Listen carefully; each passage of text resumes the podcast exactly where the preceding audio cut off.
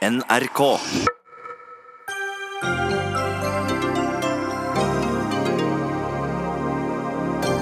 Vi har våre uenigheter, men vi er trygge på en sterkere allianse, sa Nato-sjef Jens Stoltenberg nå i ettermiddag etter en spent første dag av Nato-toppmøtet. Fremskrittspartiet vil kutte i trygd til nordmenn i utlandet. Det kommer også til å ramme norske pensjonister i varme land, advarer SV. Kvinner vil at fødselen skal være pen og pyntelig, hevder en lege som mener gravide ønsker seg keisersnitt uten grunn. Nei, det er på tide at kvinner stiller krav, svarer høygravid.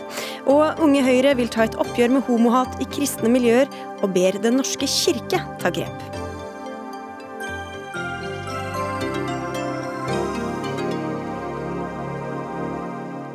Vel møtt til Dagsnytt 18 på NRK P2 og NRK2.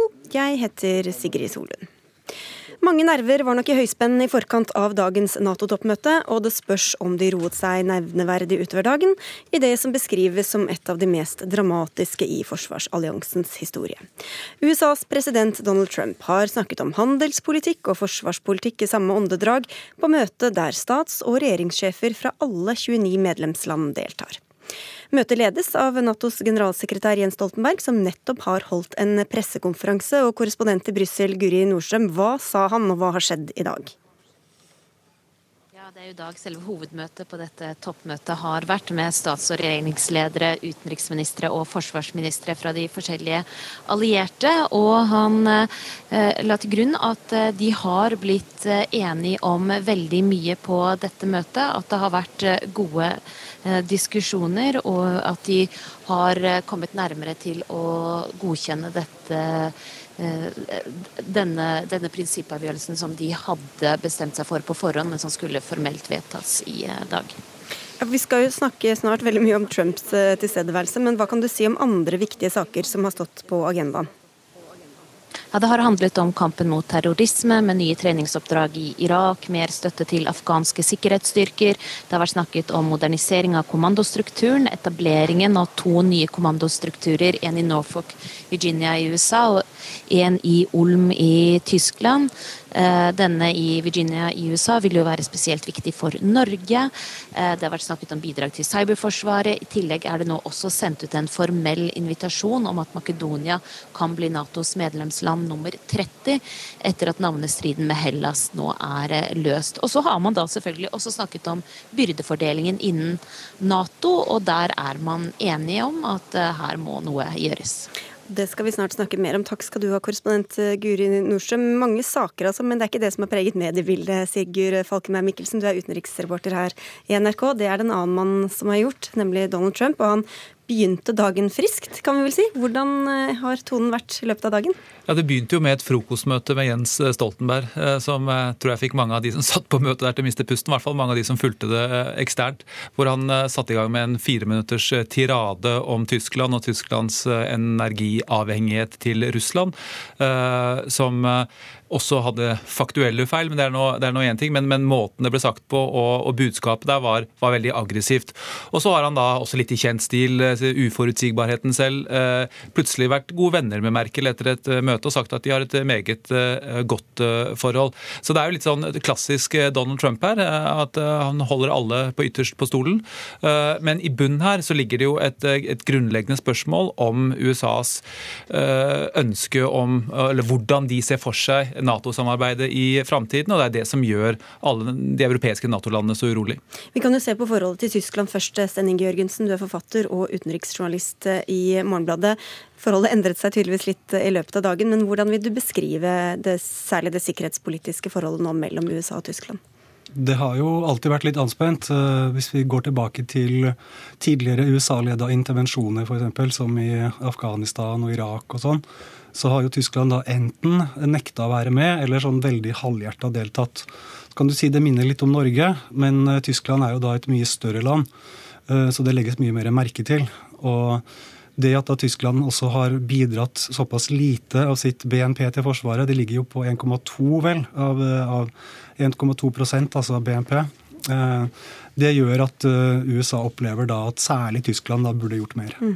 Og så hadde Merkel og Trump et møte, et bilateralt møte i dag. Vet vi noe om hvordan det gikk, og hva de snakket om?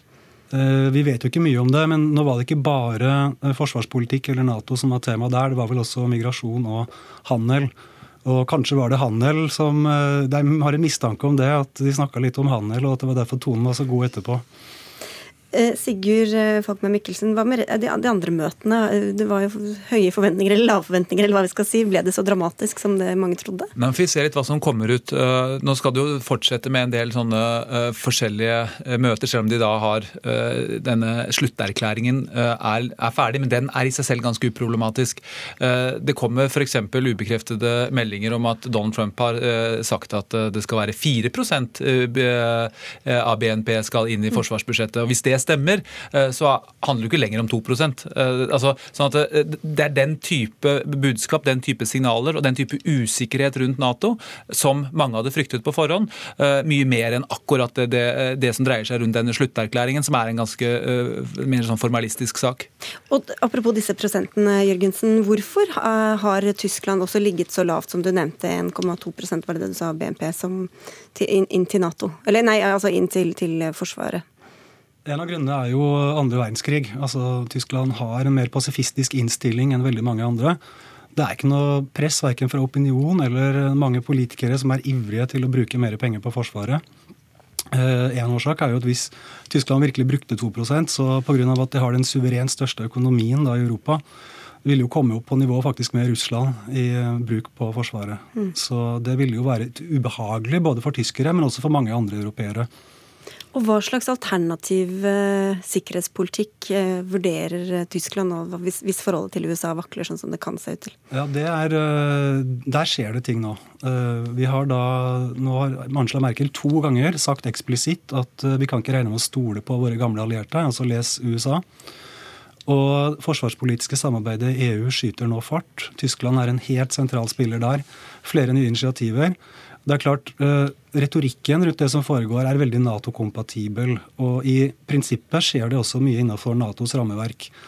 Men noe skjer utafor, og uh, man, kan tro, man kan forestille seg at på sikt så vil det gjøre at Europa står mer uavhengig i forhold til USA. Og det er veldig viktig for Tyskland. Eh, en ting til det, altså Tyskland står jo også overfor eh, en, et moderniserings eh, av sine, sitt flyvåpen. Og Det skal gjøres på en mye større skala enn det vi har gjort her hjemme. Men dilemmaene er noe av de samme. Skal de da gå i, amerikansk retning. Eh, dette handler også om eh, å bære amerikanske atomvåpen, sånn som de gjør nå. Eh, eller skal de gå i mer europeisk retning og utvikle europeisk forsvarsindustri? Det veivalget kommer til å bli helt essensielt for hvordan verdens sikkerhetspolitiske arkitektur kommer til å se, se ut, se ut framover. Og sikkert interessant også for Trump, eh, vil jeg tro. Helt sikkert. og det er vel også mulig at han, i tillegg til å ha kommet med klare eller uklare alt ettersom hvem som ser beskjeder til europeiske ledere, også snakker til et eh, hjemmepublikum. Korrespondent Tove Bjørgaas, du følger dette møtet også fra Washington. Hva vil du si virker å være Trumps strategi under dette Nato-møtet? Ja, Det er absolutt det du sier. Han snakker her til sine tilhengere. Eh, og det er jo mange kommentatorer også her som er sjokkerte over tonen i det Trump har sagt i dag. De hadde ventet at han kanskje ville si noe sånn som dette, men ikke med så sterke ord. Og de mener at han forsøker å skape mest mulig kaos eh, og vise sine tilhengere altså at han sier hva som helst til hvem som helst. Hvis du reiser rundt på landsbygda her i landet, som jeg har gjort eh, de siste ukene, og spør folk hva de synes om Trump nå, så er det nettopp det de sier. Han tør å ta en krangel med hvem som helst. Han snakker eh, slik som han vil, og han vil hjelpe oss til å tjene mer penger. og Det tror eh, mange av hans kjernetilhengere på. Mm. Hva med Trumps egen administrasjon? Hvordan går dette budskapet hjem der? Hvis du ser på eh, frokostmøtevideoen fra i morges, der han også sitter og skjeller ut både Tyskland og, og også eh, Jens Stoltenberg, så kan du se utenriksminister Mike Pompeo bøye hodet ned og se ned i bordet også eh, Trumps stabssjef John Kelly satt på enden av bordet der, og de så nærmest eh, ja, beskjemmet ut mens Trump snakket, selv om at jo, man visste noe av det han skulle, sagt, skulle si. Eh, det er jo mange også innad i Trumps egen administrasjon, kanskje ikke minst stabssjefen hans, som ikke synes at presidenten skal bruke slike ord. De vet hvor viktig denne forsvarsalliansen med Europa er. Europa, USA er helt avhengig av de basene de har f.eks. i Tyskland og i Italia. Eh, og, at det er historieløshet her. Men samtidig så handler det også, altså mye også om en valgkamp her på hjemmebane i høst. Eh, og at Trump nå nærmest eh, ta, altså går inn i krangler med f.eks. Angela Merkel, ledere som han føler kanskje ikke beundrer ham nok.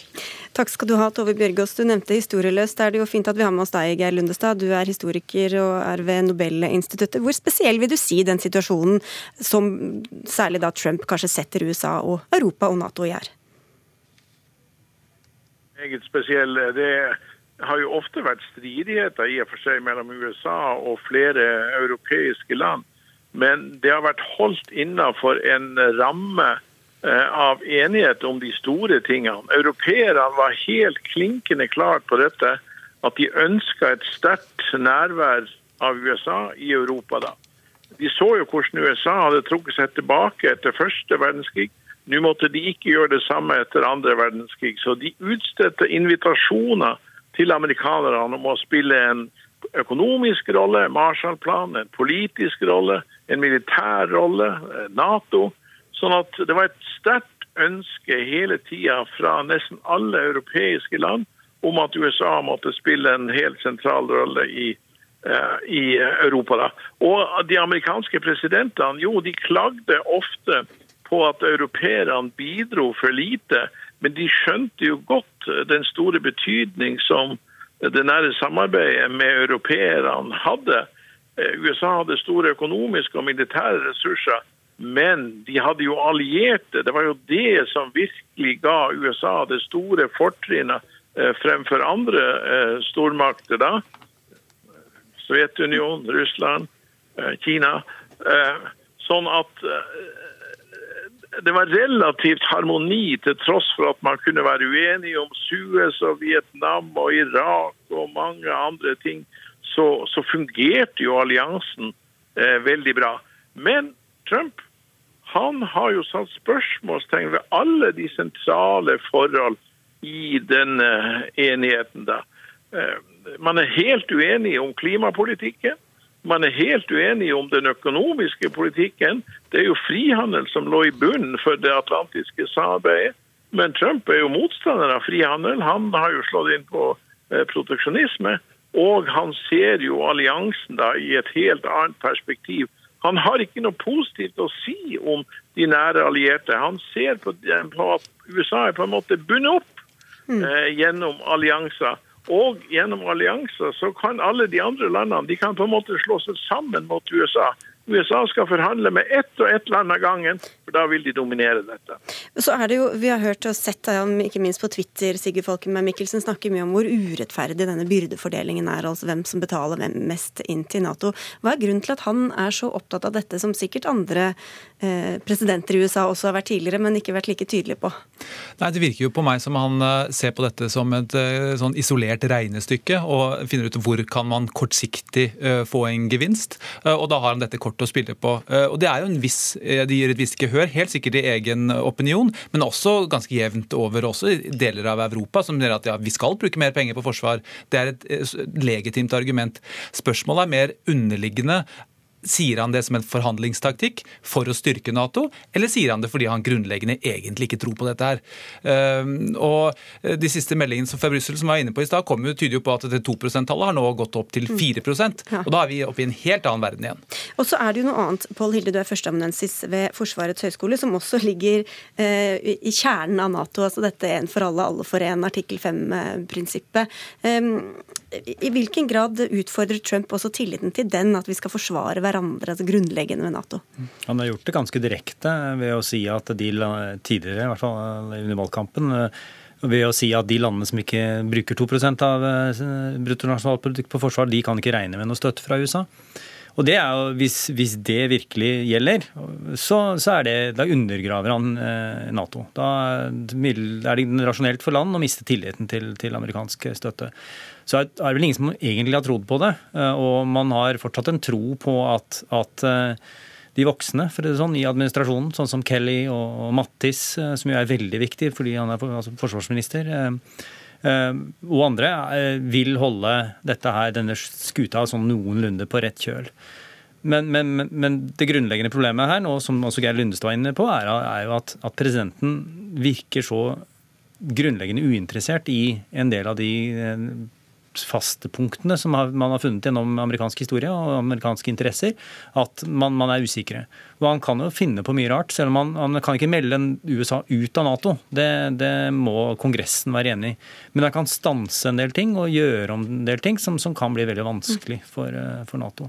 Men Trump har vel sagt og gikk til valg også på at han er ikke mm. interessert i å drive så mye kriger eh, i mm. fjerne land. Så hva er da Hva er hva tjener USA på å være så engasjert i Nato som det de har vært fram til nå, hvis han vil endre hele utenrikspolitikken sin og sikkerhetspolitikken sin? Igjen så var Geir Lundestad mye innpå det, på at eh, USA er en global supermakt. Men er, altså USA er det i veldig stor grad fordi man har allierte rundt omkring i hele verden. Og for å få støtte fra disse landene, så, så må, altså tilbyr USA noe i gjengjeld, og det er da denne, denne garantien for at de vil komme og hjelpe dem. Og Eksempel fra eh, nå nylig med, midt, på si, persiske Gulfen og Iran og frykten for Iran og amerikanske press på Iran, så er USA ute og sier at vi vil beskytte de andre landene. Nå skal vi presse Iran. Og Det er det tilsvarende på, rundt omkring i verden. At man, de kan stå imot Kina fordi de har allierte i Japan og Sør-Korea osv. Hvis USA begynner å så tvil om at de faktisk vil støtte sine allierte, så vil alt dette her rakne. Og da, Det vil være veldig skadelig for amerikansk sin status da, som supermakt. Lundestad, hvor langt kan han gå um, til disse angrepene verbalt, da, først og fremst på medlemslandene, før det faktisk blir en reell ustabilitet i, i, i verden, så å si? Ja, den ustabiliteten den har jo allerede inntrådt. Eh, man lurer jo veldig på hva USA kommer til å gjøre fremover. Og et perspektiv som vi jo egentlig ikke har sagt så mye om, men som likevel er reelt, er jo at de politikerne som eh, Trump beundrer, det er jo dels autoritære politikere. Og i Vest-Europa så han, de, de han støtter opp om der, det er jo høyresida. Det er jo Le Pen, og det er de som er ved, ved makta i Polen og Ungarn og en del sånne land. Og han skjønner jo simpelthen ikke fenomen som europeisk integrasjon. Det at stater frivillig kan gi fra seg suverenitet for et internasjonalt samarbeid, det er jo en helt fremmed tanke for han. Så eh, det, det, det, er mange ting som jo er totalt annerledes eh, med Trump sammenlignet med, med, Europa. Men her er jo krefter som, som holder han til en viss grad i sjakk. da. Eh, det er klart Kongressen eh, eh, og også ikke minst det republikanske parti er jo sterke tilhengere av, av Nato. da. Men Trump har jo på mange måter overtatt partiet. Det, det, det, har skjedd en omforming av det republikanske partiet, som jo var skeptisk til Trump frem til han ble deres kandidat. da. Nå er jo partiet helt overtatt av Trump. Og man ser jo at hans taktikk er jo sånn at han satser på for oss klare, ekstreme standpunkter som skal bli eh, forstått av de vanlige folk eh, i USA. da, Og at eh, han bryr seg ikke så nøye om hva ekspertene måtte mene. Han la seg jo ut med hele det establishment i det republikanske parti, særlig på den utenrikspolitiske sida. Dette var kostnader som han var rede til å ta. Mm. Vi må litt videre også, fordi Etter dagens toppmøte så setter Trump kursen mot Storbritannia før han drar til Finland for å møte Russlands president Vladimir Putin på mandag. og Vi antar jo bare at Putin følger spent med på det som skjer i Brussel nå. Morten Jentoft, du er NRKs eh, Russland-korrespondent. Hvilken betydning har utfallet og klimaet på dagens møte for Russland? Ja, Jeg så nettopp at eh, den kjente kommentatoren Fjodor Lukianov her var ute og snakket om at det som nå skjer, det er den mest alvorlige splittelse i Nato noensinne. Så det er klart at eh, her i Moskva så følger man nok svært, svært nøye med på denne eh, ja, vi må jo kunne kalle det alvorlige splittelsen som nå er i Nato. Hvordan skal Russland forholde seg videre med det? Og Det interessante her er jo det at eh, Trump da bruker et av eh, Vladimir Putins sine store prestisjeprosjekter, nemlig Nord Stream, gassrørledningen gjennom eh, Østersjøen, som et eksempel på eh, feilslått eller manglende prioriteringer i Tyskland. Men dette prosjektet her er jo noe som Russland eh, satser sterkt økonomisk på, men som altså er en direkte konkurrent da, til amerikanske økonomiske interesser. Sånn at det blir veldig, veldig interessant å se hvordan den argumentasjonen som Donald Trump nå har satt i gang, kommer til å bli ført videre når Trump skal møte Putin i Helsingfors på mandag. Ja, hva tror du det kommer til, Hvordan kommer dette til å påvirke det møtet, og hva de skal snakke om der? Ja, Det blir veldig interessant å se hva man kommer til å legge vekt på. Der kommer man til å snakke om slike ting som dette her, der man altså er i direkte konfrontasjon. Eller kommer man heller til å legge vekt på eh, andre utenrikspolitiske saker. Det har jo vært snakket mye om at det man kommer til å prioritere, det er utenrikspolitiske saker som Syria og muligens også Ukraina. Og Det er jo mange som er spent på hva Donald Trump kommer til å si og gjøre når det gjelder nettopp Ukraina, som jo er grunnlaget for mye av den splittelsen som vi har i Europa i dag mellom Russland og resten av Europa. Den russiske eh, aggresjonen overfor nabolandet Ukraina. Kommer Donald Trump til å gjøre alvor av det han har antydet tidligere, og sagt, si at han har forståelse for den russiske annekteringen av Krimhalvøya? Kommer han til å gå inn på noe slags kompromiss her eh, bak ryggen til ukrainerne når det gjelder eh, den konflikten der? Det er det veldig mange som er spent på. Samtidig så vet vi at den israelske statsministeren Benjamin Netanyahu han kommer hit til Moskva i morgen. Kan det være en eller annen løsning eh, som ligger i kortene når det gjelder Syria? Irans rolle i Syria? Kan russerne her være villige til å gå med på et eller annet kompromiss, at Iran skal trekke seg eh, vekk fra grenseområdene mot Israel? Det er slike spørsmål som man mener kommer til å dominere eh, eh møtet i, i, i, Helsingfors, og kanskje ikke nettopp sånn et spørsmål som økonomi Nord Stream, som han eh, gikk ut med i dag. Takk skal du ha, Morten Jentoft. Det ble nevnt denne gassrørledningen igjen, Jørgensen. Hva slags skvis setter det Tyskland i dette, når de liksom settes opp mot USA og Russland på den, ene siden og på den andre siden? Det er jo, Retorisk sett så er det jo en stor konflikt, men i praksis så har det jo ikke ført til noe som helst ennå.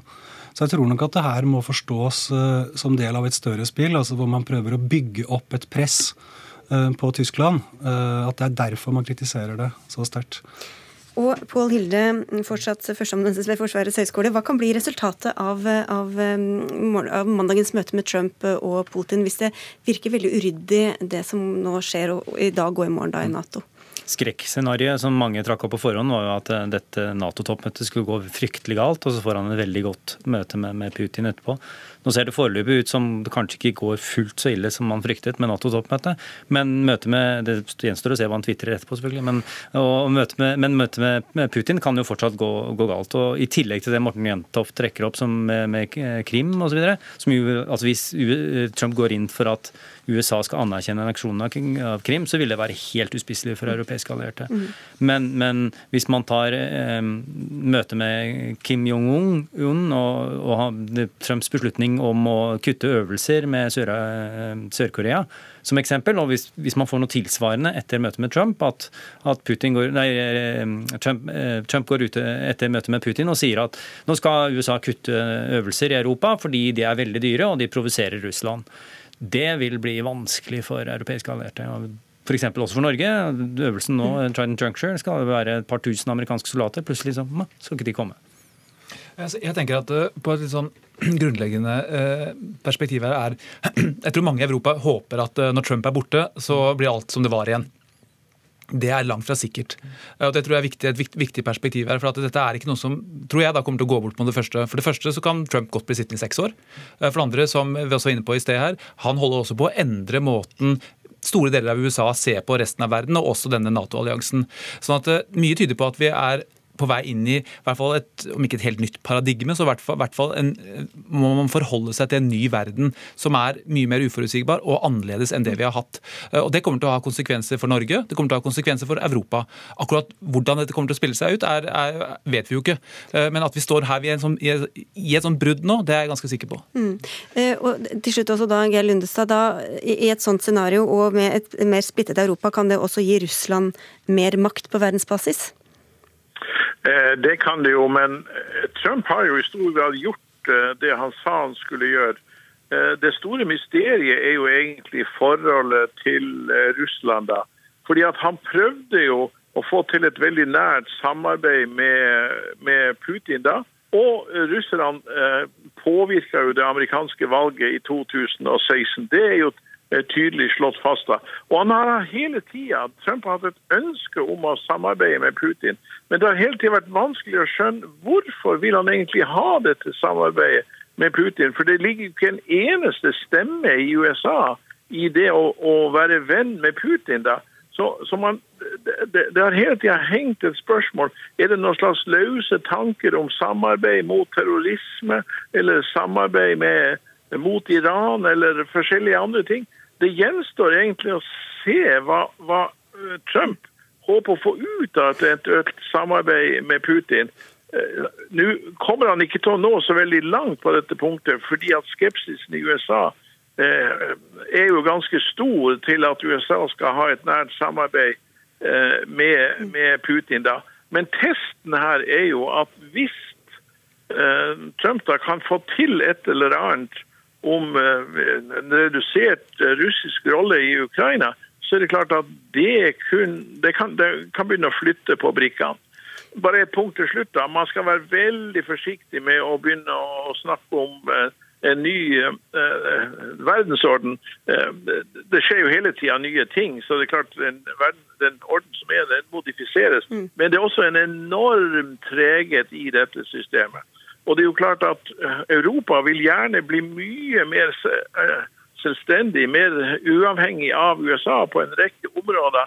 Men det gjenstår jo å se om dette overhodet er mulig. Det har jo vært veldig mye snakk om dette. Mm. Og da, da, da, da, vil det dreie seg om mye mer enn 2% av bruttonasjonalproduktet på Forsvaret. Da. Og dette skjer jo i en situasjon hvor Storbritannia, den sterkeste militære makt i Europa, har meldt seg ut. Sånn at uh, det, det det er nok av ting å følge med på. ja, her er nok av ting å følge med på. Okay, Vi skal og, eh, ja. få inn Jørgensen helt på tampen. Ja, jeg tror ikke at eh, det at Storbritannia går ut er så dramatisk her. For eh, her er det klare signaler både fra EU-land og fra Storbritannia at de vil samarbeide nært på det feltet. Og det er også sånn at Når eh, EU-landene sam, samkjører sine forsvarsstyrker mye mer, så får de synergieffekter som er verdt mye mer enn noen prosentpoeng eh, altså av BNP i satsing. Det her er det regna godt og lenge på. Dessuten har Europa nå vist at de fortsatt står samla mot Russland ved at uh, sanksjonene nettopp ble forlenga med seks nye måneder. Så Putin kan være glad for at det er splittelse i Nato, men det er noen skår i gleden her. Det får bli siste ord. Takk skal dere ha alle sammen. Stenning Jørgensen, som er forfatter og utenriksjournalist i Morgenbladet, til deg, Geir Geir Lundestad, historiker ved Nobelinstituttet, til Pål Hilde, førsteamanuensis ved Forsvarets høgskole, og til deg, Sigurd Fagermann Mikkelsen, og resten av korrespondentnettet i NRK. Dagsnytt 18 alle hverdager klokka 18.00 på NRK P2 og NRK2.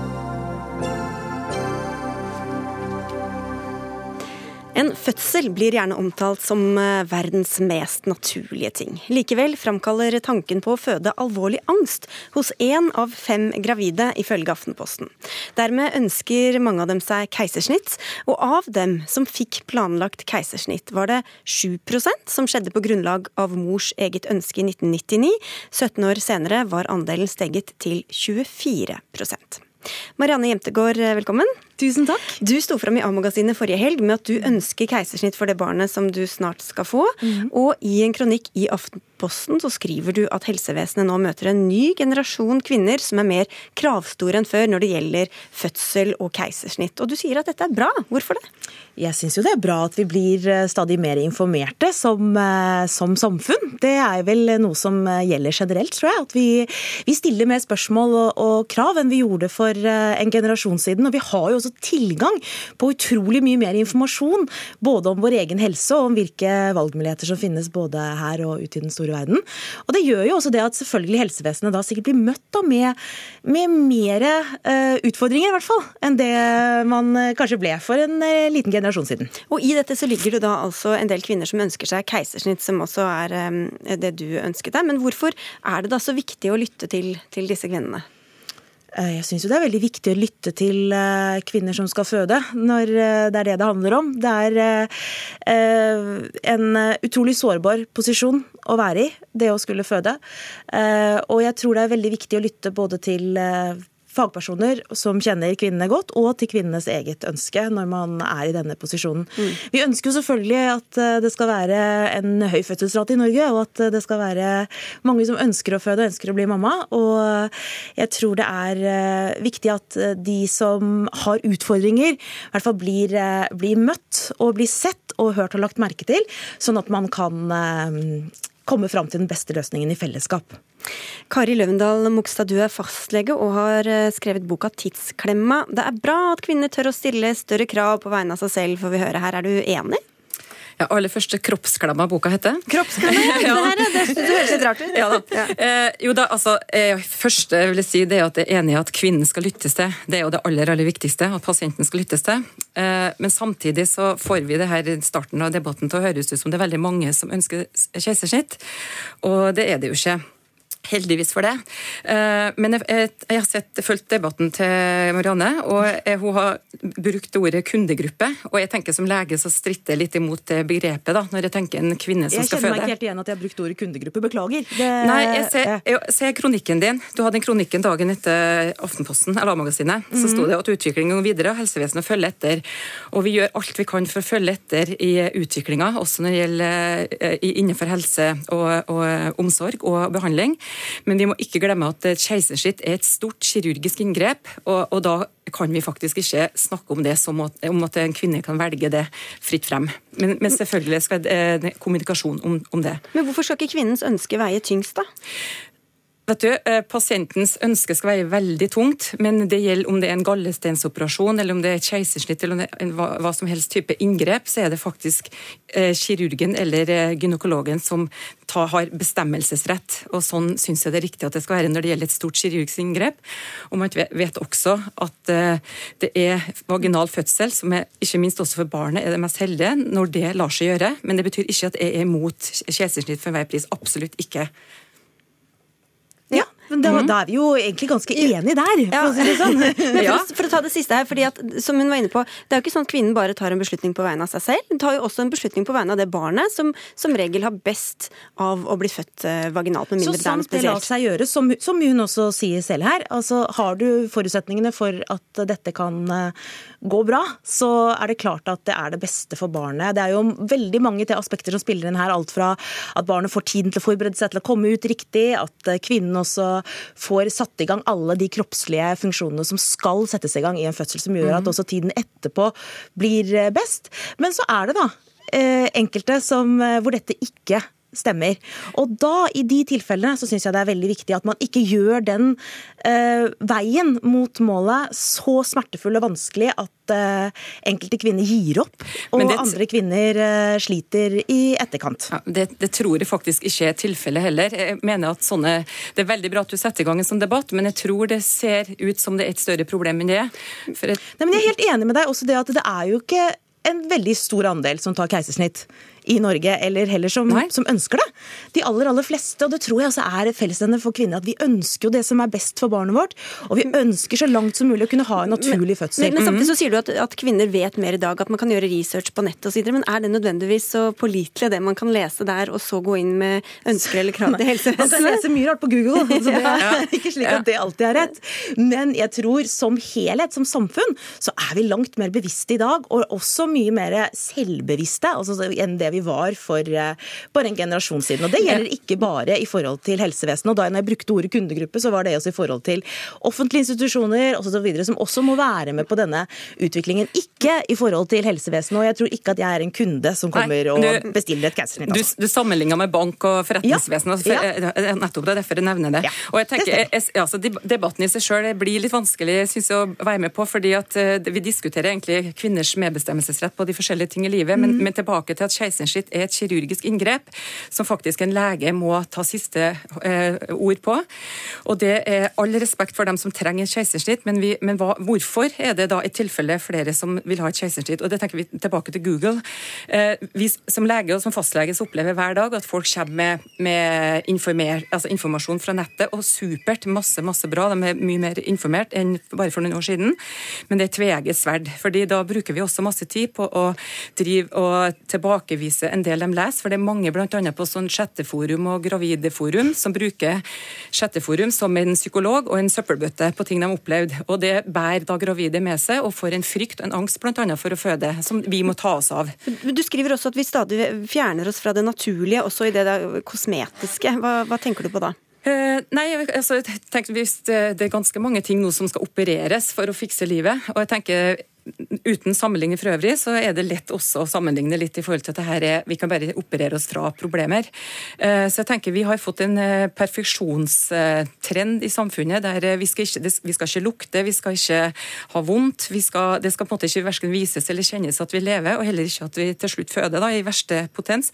Så jeg tenker det her er et større, et mye større problematikk og ting vi må diskutere, mm. tenker enn bare om kvinnen skal ha rett til å bestemme keisersnitt. Jeg tenker det her er et stor debatt som er superinteressant og veldig spennende og veldig viktig.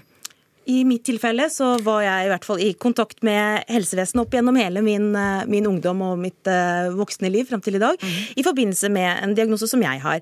Og i, der ble jeg også møtt med at du vil nok ha best av å utføre, eller få et keisersnitt når den tid kommer. Mm. Og det tok jeg litt som en holdt jeg på å si, selvfølgelighet, eh, av at både min lege, ortoped, min osteopat, alle, ting, alle ønsket dette her for meg.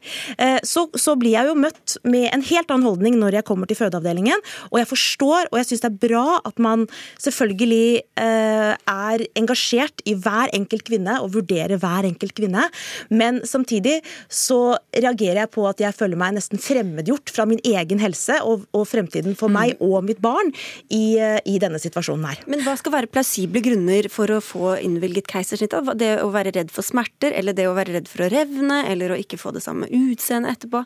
Er det også, jeg hører med Jemtegård hva hun syns. Er, er, det grunner til at det, det å ikke være redd, være redd, for å få det samme utseendet etterpå, er ikke en, en problemstilling som jeg eh, har møtt fra spesielt mange av de kvinnene som jeg har snakket med nå de siste dagene, og heller ikke noe som jeg kjenner meg igjen i selv. Jeg kan bare si at mitt møte så ønsket jeg jeg det som var best for meg og mitt barn og min helse videre fremover, og mitt barns helse videre fremover.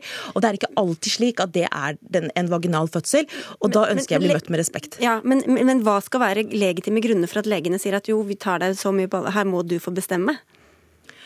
Jeg synes, altså sånn det blir jo, Hvis jeg skal sitte og lage lovverket nå for hvordan vi skal gjøre det, så syns jo jeg at uh, kvinner skal bli sett og hørt i denne debatten. Uh, i, valget i, forhold til hvordan man skal føde. Det betyr ikke at man ene og alene skal få bestemme uh, sine, sine, fødevalg. Men man skal bli møtt med respekt, man skal bli møtt med verdighet, og man skal også ha muligheten til å få god og riktig informasjon på et tidlig stadium, som også gjør at man kan kanskje ta også mer veloverveide grunner. Men det at vi lever i et samfunn hvor kvinner er bortskjemte eller ønsker seg keisersnitt av kosmetiske årsaker, det kjenner jeg meg overhodet ikke igjen i. Og det har i hvert fall ikke heller sagt, og det viser heller ikke forskning at det er noen stor prosentandel ennå her i i Norge. Heldigvis for det, så det har aldri jeg sagt heller. Men, eh, men, jeg tenker det er jo kirurgen, gynekologen, som i siste ende skal bestemme det, som tar en medisinsk avgjørelse. Det er vårt, det er vårt lodd i livet som leger at vi tar den siste avgjørelsen. Men, men, det du sier om å bli respektert og lytta til, det er det aller viktigste vi gjør på et legekontor. Det er å gjøre så godt vi kan og kommunisere godt med pasienten. Men jeg ser det som lege jeg jobber, og jeg har masse gravide pasienter på mitt kontor. Og jeg ser at det er mange som har angst og redsel for å føde, og de har redsel for smerte, og de har en liten innsikt i, i, på en måte sin egen kropp og sitt eget eh, reaksjonsmønster i forhold til det å ha smerte og miste kontroll og, og, og slippe kontroll. Så Vi jobber masse med det, men, men, det som er saken er at det er reduksjoner i antall føde, mulighet for fødselsforberedende kurs, det er masse nedskjæringer på barsel- og fødeavdelinger. Og også ser jeg at mange er lite forberedt. Da. Så jeg tenker der er det, de jeg vet På St. Olavs ønsker de seg veldig å ha psykolog i tillegg til på det teamet sitt som de har i forhold til angst angst, angstfylte damer. Og det er supert, for vi trenger å ta det her på alvor. Og selvfølgelig vil vi ta dere på alvor, også inkludert deg, men jeg vil ikke gå inn i person, persondiskusjon. Men da, da, kan vi konkludere, da. Mer kommunikasjon og bedre tilbud til alle. det høres fantastisk deilig ut. Ja, da, da, tror jeg vi runder av der. Tusen takk skal dere ha, begge to. Marianne Jemtegård, og lykke til med fødsel når den tid kommer. Ja, og takk til deg også, Kari Løvendal Mogstad, som altså er fastlege og forfatter av boka 'Kroppsklemma', hvis jeg fikk det riktig der.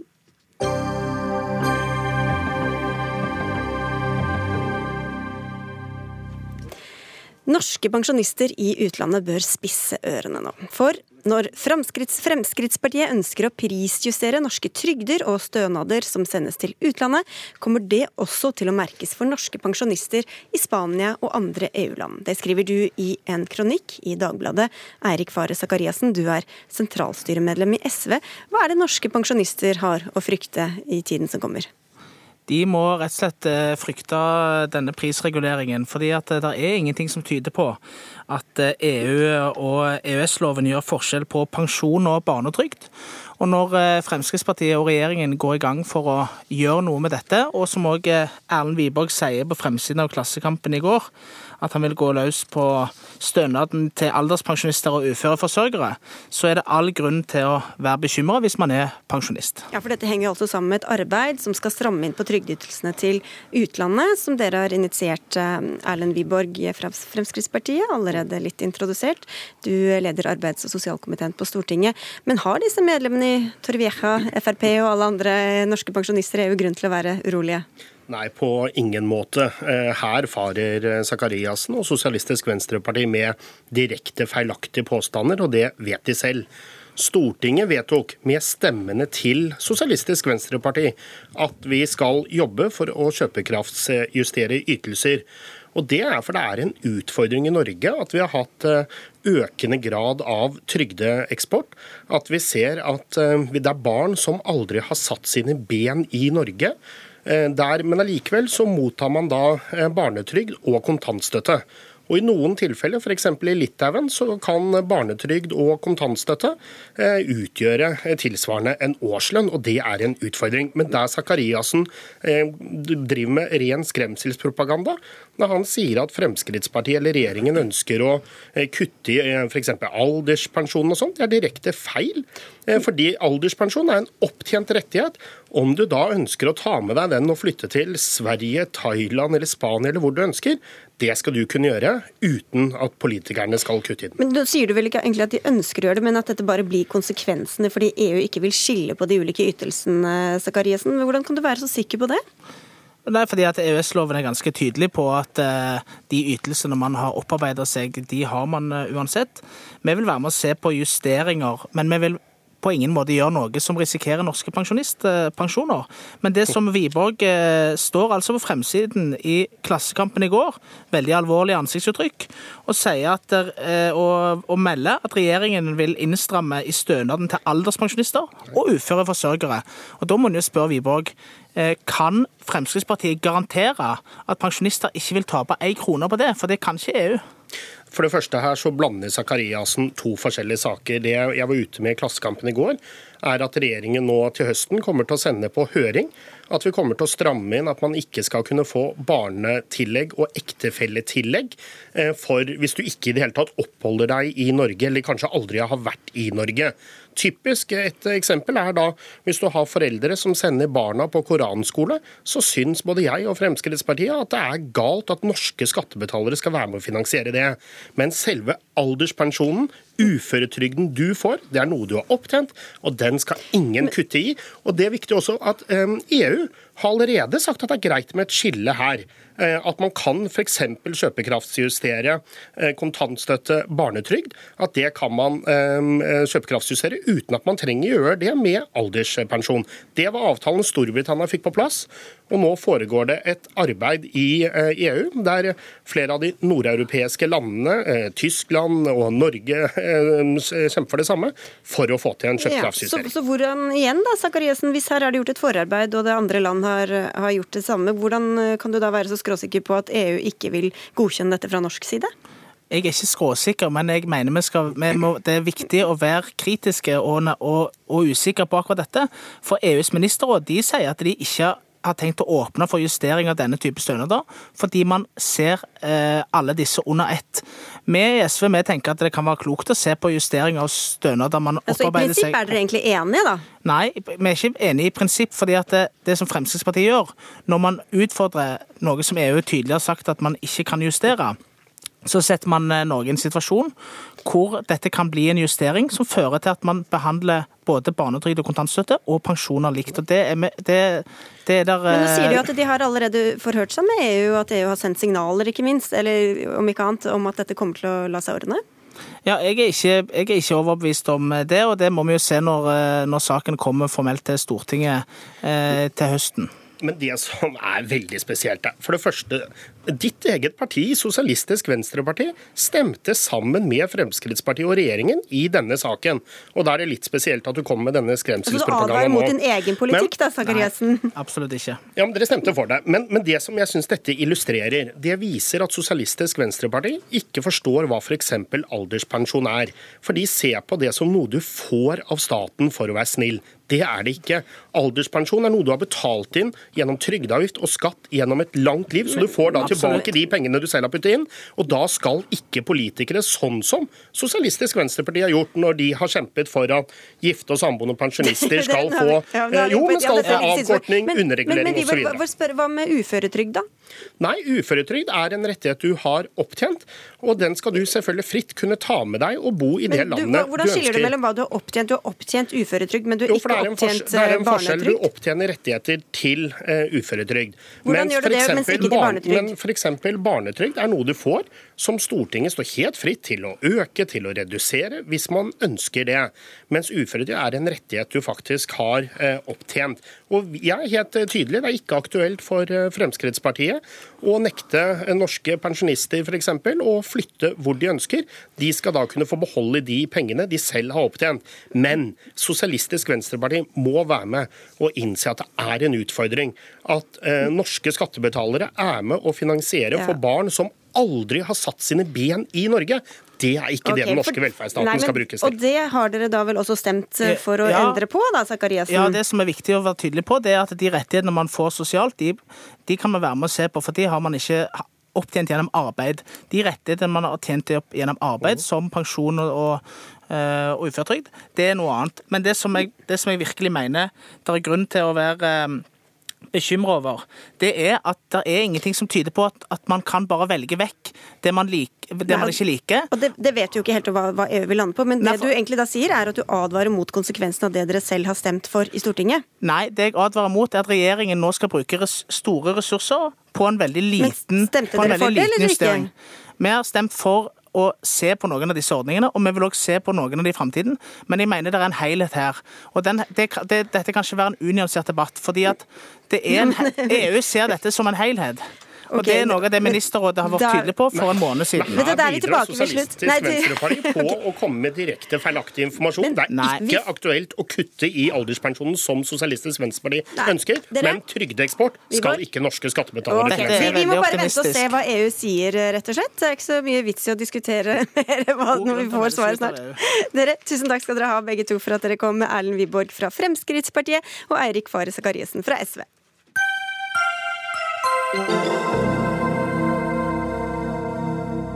Kirken må ta et oppgjør med homohatet som preger mange kristne miljøer, har vi kunnet lese i Dagbladet. Hvor det også står at kirken gang på gang lar homohat stå uimotsagt i lokalavisspalter og kommentarfelt.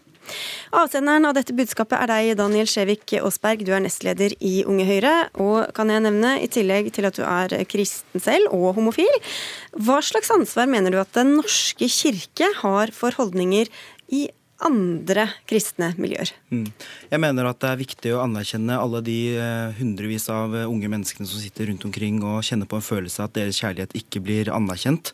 Som blir fortalt at deres seksuelle legning er uforenlig med et kristent liv. Eh, Og da mener jeg at det er viktig at Kirken, som representerer 70% av den norske befolkning, som er medlemmer i Den norske kirke, strekker ut en hånd til disse menneskene og forteller dem at det finnes et alternativ til det de blir fortalt i sine bedehusmiljø. Enten de da tilhører Den norske kirke eller ikke. Ja, eh, jeg mener at eh, Kirken har et ansvar for det. rett og slett fordi at eh, Det er jo alltid sånn at kristen, kristen tro og kristen lære er i utvikling. Og som den største teologiske ekspertisen i landet, så mener jeg at Kirken har et ansvar for å lede an i den teologiske debatten som er i utviklingen rundt disse spørsmålene. Kristin Gunnleiksrud Rom, du er leder for Kirkerådet. Hva slags ansvar mener du at kirka har for, for også andre frikirker eller andre kristne miljøer? Vi har et stort ansvar for å bidra i debatten. Eh, vi har et stort ansvar for å opplyse debatten. Ikke minst, eh, som det ble sagt her, med å sørge for eh, teologiske argumenter. Vi har jo ingen mulighet til å instruere andre kirkesamfunn eller trossamfunn. Eh, men vi er jo f.eks. sammen i noe som heter Norges kristne råd, der vi snakker sammen og deler erfaringer. Og der er det min opplevelse at Kirken lyttes til av andre kirkesamfunn, og at vi har fått til gode prosesser også i andre kirkesamfunn. Og jeg opplever at de tar også sitt ansvar på dypeste alvor. Men det er jo også sånn i Den norske kirke at det er ulike syn på dette Aasberg. Så hva slags syn skal de da fronte? Hvor tydelig kan de være eh, overfor andre trossamfunn når kirken i seg selv er delt? Mm. Jeg mener at uh, selvfølgelig så er det, må man respektere at kirken har to forskjellige syn på, på, dette spørsmålet, men jeg mener at de gode kreftene, som er de kreftene som uh, anerkjenner likekjønnet uh, ekteskap, bl.a., de mener jeg at har et spesifikt ansvar for å fronte disse meningene opp mot de andre trossamfunnene som ikke anerkjenner denne type homoseksuelle handlinger. Da. Ja, Det vi i hvert fall kan sørge for, det er å opplyse debatten om teologiske argumenter for at to av samme kjønn skal kunne gifte seg i kirken. For det er det betydelige argumenter for. Og så må vi bidra eh, og være en tydelig stemme mot alle former for trakassering eh, og diskriminerende uttalelser om LHBT-ere. Dere høres så enige ut, så jeg tror vi skal trekke inn deg, Vebjørn Selbekk. Du er redaktør for den eh, kristne avisa Dagen. Hva syns du om denne tanken om at Den norske kirke skal gå inn og i hvert fall forsøksvis påvirke andre trossamfunn og menigheter? Nei, men La meg bare først si da at uh, Daniel Skjevik Aasberg eh, har en alliert i meg når det gjelder det å kjempe for at homofile skal behandles skikkelig i kristne miljøer. Kjempe mot uh, trakassering. Der har uh, verken kirka, øvrige kristne miljøer eller samfunnet for øvrig for den saks skyld alltid gjort alt rett. Og Jeg har også stor respekt for hans egen opplevelse med det å komme ut av skapet som homofil i et uh, kristent miljø. Det har han jo stått fram med i, i, mediene, en sterk historie. Men der jeg ikke kan følge han, det er når han i uh, kronikken i Dagbladet anbefaler kristenheten å bare se bort fra Bibelen og se bort fra det som alltid har vært den kristne kirkes syn på ekteskapet, at det er mellom eh, mann og kvinne. Her syns jeg kanskje at eh, analysen hans er litt tynn. Og jeg oppfatter vel kanskje Daniel Skjevik Aasberg som en bedre politiker enn eh, teolog. Og så reagerer jeg veldig sterkt på det han skriver om det han kaller homohat i kristne miljø. Eh, det, der synes jeg han stempler veldig store grupper som står for et eh, klassisk syn på ekteskapet. Det synet på ekteskapet som var nedfelt også i norsk lov inntil bare for ti år siden, stempler dem som hatefulle. Når han ber om toleranse og aksept, så må det gå andre veien også. Og det å kalle store grupper for hatere, det føler jeg ikke eh, medvirker til den typen toleranse som han ber om. Mm. Jeg vil bare si det først at eh, det er veldig morsomt at eh, Selbekk nevner dette med at jeg ikke er noen teolog. Det er helt riktig, men Bisperådet, som er eh, Norges biskoper, og Kirkemøtet, som er Kirkens høyeste organ, har jo med flertall sagt at det finnes hjemmel i Bibelen og i det kristne livssynet for å mene at ekteskap mellom to kjønn er, er akseptabelt. Så jeg, det var vel ganske sånn cirka da Vebjørn Selbekk meldte seg ut av Den norske kirke? Nei da, det, det, det, er feil. Jeg, jeg, jeg, jeg, er medlem av Den norske kirke. Og du er det. Jeg har ikke, meldt, jeg har ikke meldt meg ut av Norske kirke. Jeg har ikke tenkt å melde meg ut av Den norske okay, kirke. Så der må jeg bare få lov til å komme med Nei, okay, Nei jeg har tenkt å gjøre det sjøl heller. Meg Du nevner også at jeg stempler store grupper av, av den kristne befolkningen som homohatere. Det gjør jeg ikke. Det er en veldig stor forskjell på homohat og det å ha et politisk, uh, politisk mening om et spesifikt spørsmål. Homohat det er når noen forteller deg at du, er, uh, at, du er, at du kommer til å brenne i helvete. Det er når du tilfeldigvis elsker en av samme kjønn og foreldrene kaster deg ut hjemmefra. Eller eller når eh, predikanten sier at du er besatt av Satan, det er homohat. Homohat er jo ikke at man er uenig i ekteskapssynet som jeg har, eller som andre eh, med meg har. Så det, men, det vil jeg bare men, poengtere. Men Skjevik Aasberg, hvorfor, hvorfor, skriver du da i kronikken eh, at det også er homohat å mene at ekteskapet er for eh, mann og kvinne. Og Det står det vitterlig i den oppremsingen din av hva som er homohat i den Dagbladet-kronikken som jeg har lest eh, ganske nøye. Fordi det, det, det, kan også være det. Eh, det er ikke bare det, men det kan også være det. Og det er jo ikke sånn at jeg kan gå rundt og vite hvem som hater eh, hvem. Man må se på handlinger, man må se på hva de sier. Og disse menneskene, mange av disse menneskene som er homohatere, og som har et intenst, føler en intens avsky mot homofile, har dette synet om at man ikke skal anerkjenne men, men da leser du jo inn i hva de, de kan si noe ganske nøytralt. og så, og så føler du eller du ser det som homohat, da? Eh, nei, nei, det er jo konteksten ting blir sagt i. Og jeg, jeg, respekterer det at eh, folk mener at uh, homofile ikke burde få lov til å gifte seg i kirken, og at deres kristne syn ikke kan, uh, kan anerkjenne det. Men uh, det jeg ikke respekterer, er når de samme slengen sier at homofile burde brenne i helvete, og at man burde kastes ut hjemmefra fordi man er homofil. Jeg tror, det er ganske viktig å Et øyeblikk, Selbekk, så skal du slippe til Råum her, så skal du få komme til. Jeg tror det er ganske viktig å skjelne mellom det å ha to teologisk begrunnede syn i Kirken. Og jeg opplever mange av de som mener at ekteskapet er for mann og kvinne, og som ikke klarer å lese Bibelen på noen annen måte, som også har stått tydelig opp og tatt avstand fra trakasserende uttalelser. Så her, er det viktig å, er det viktig å skjelne. Men eh, det som kan være problematisk, det er når trakasserende og ganske grove uttalelser legitimeres eh, på en slik måte med bruk av Bibelen, eller at man at de som har trakasserende uttalelser. De som eh, kaller dette for en vederstyggelighet, eller sier at det er perverse aktiviteter. Eh, eller som jeg nettopp leste i kommentarfeltet til avisen Dagen, hvor de var omtalt som rotter. Eh, og, og, Det er over en uke siden det sto, så moderatorene har ikke gjort jobben sin eh, der, Vebjørn. Det må du ta opp med dem. Jeg tror ja. du bør lese gjennom kommentarfeltet litt. Så du vil si det er en del homohat i dagens kommentarfelt også? Ja. ja. Eh, okay. Når, når, homofile kalles rotter, eh, som skal befolke verden, er, er, det, er det teologi, Selbekk, eller er det holohomat? Ja, altså, Nå er jeg eh, i Kaukasus på ferie her og har ikke sett dette her, men jeg skal uansett ta opp det. Hvis det står sånne ting i eh, kommentarfeltet, så skal det selvfølgelig ut. Jeg tok sånne en liten sjekk rett før jeg gikk inn her. Men jeg er også veldig, men, men, men, veldig, veldig, men jeg er også, men jeg er også veldig glad for det du sier, Kristin Gunnløse Råum, om at det er ikke homohat å ha ulike teologiske syn i debatten. Det er veldig veldig viktig at ikke det eh, fremmes den typen påstander om at det er hatefullt å ha det som har vært den kristne kirke, også det norske samfunnets syn på ekteskapet, det klassiske synet. Men, det, det, er hatefullt. Og det er dessverre, dessverre så, så så er det det Daniel Skjevik Aasberg også skriver i kronikken sin, og der ja, kan vi ikke følge. Selv om han nei, men det var litt innom, men selv, Jeg skal spørre, stille et spørsmål som var også utgangspunktet her. Altså, her ble det etterlyst en sterkere engasjement fra Den norske kirke inn f.eks. Uh, eh, i, i, i kretser eller miljøer som du beveger deg i. Hva, er, er, det velkomment der, vil du si? Altså, med liberale krefter som skal påvirke, for, for så å si?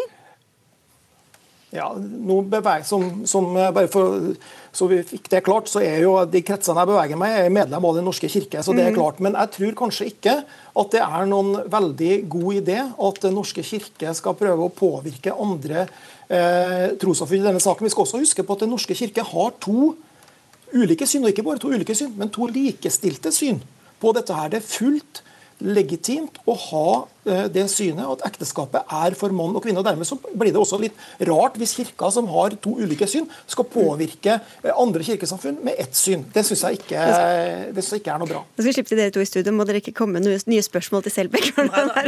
Men, men øh, kristne ledere snakker sammen, øh, og vi, vi drøfter dette, og vi lærer av hverandre. og Jeg opplever at der er dialogen god. Men det vi alle har et ansvar for, også Vebjørn Selbekk, det er å ta et oppgjør med ytringer som rammes av forbudet mot diskriminering, som er helt tydelig i diskrimineringsloven. Så det å, det å finlese den og, og, og, ta et oppgjør hver gang man ser dette, og da anbefaler jeg eh, Vebjørn Selbekk å lese kommentarfeltet litt oftere og luke ut ord som abnormiteter og den type ting. Det skal han gjøre når han er på ferie sammen. Men bare slippe til Råsberg.